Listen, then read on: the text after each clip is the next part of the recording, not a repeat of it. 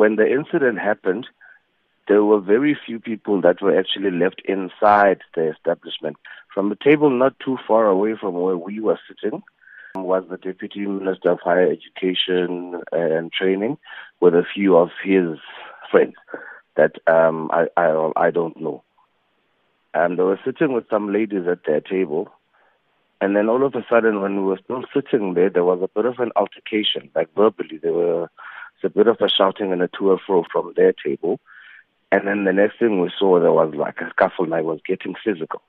And as the one lady got up and tried to walk towards the entrance of the place, he, the deputy minister, then struck her.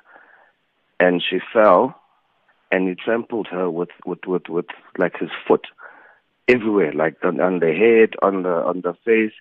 And I think what really got to me was because I'm not going to sit here and act like I was some sort of hero. I mean, I was also for the first couple of minutes one of the people who was just sitting there and watching. But I think what, when I then realized that nobody was doing anything, like all the staff was there. You remember these people are starting to clean some of the tables. The chairs were already being packed away because it was that time of the morning where they were about to like completely close. The bouncers were there the manager was there, some of the waitresses and waiters were there, and they just stood there.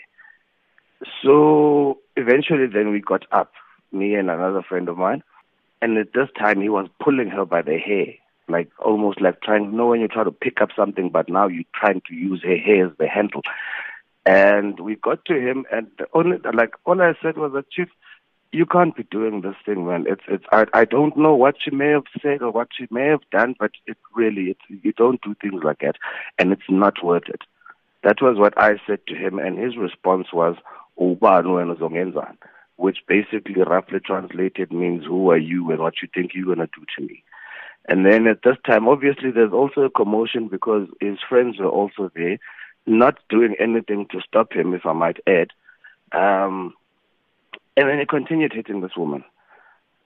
And then the next thing I knew, the, the, the like the group then moved outside the establishment. This is where I believe then that there was another woman who, who who got assaulted, but I never went outside to go. But what I can safely say is that I saw him with my eyes, and he did hit that woman.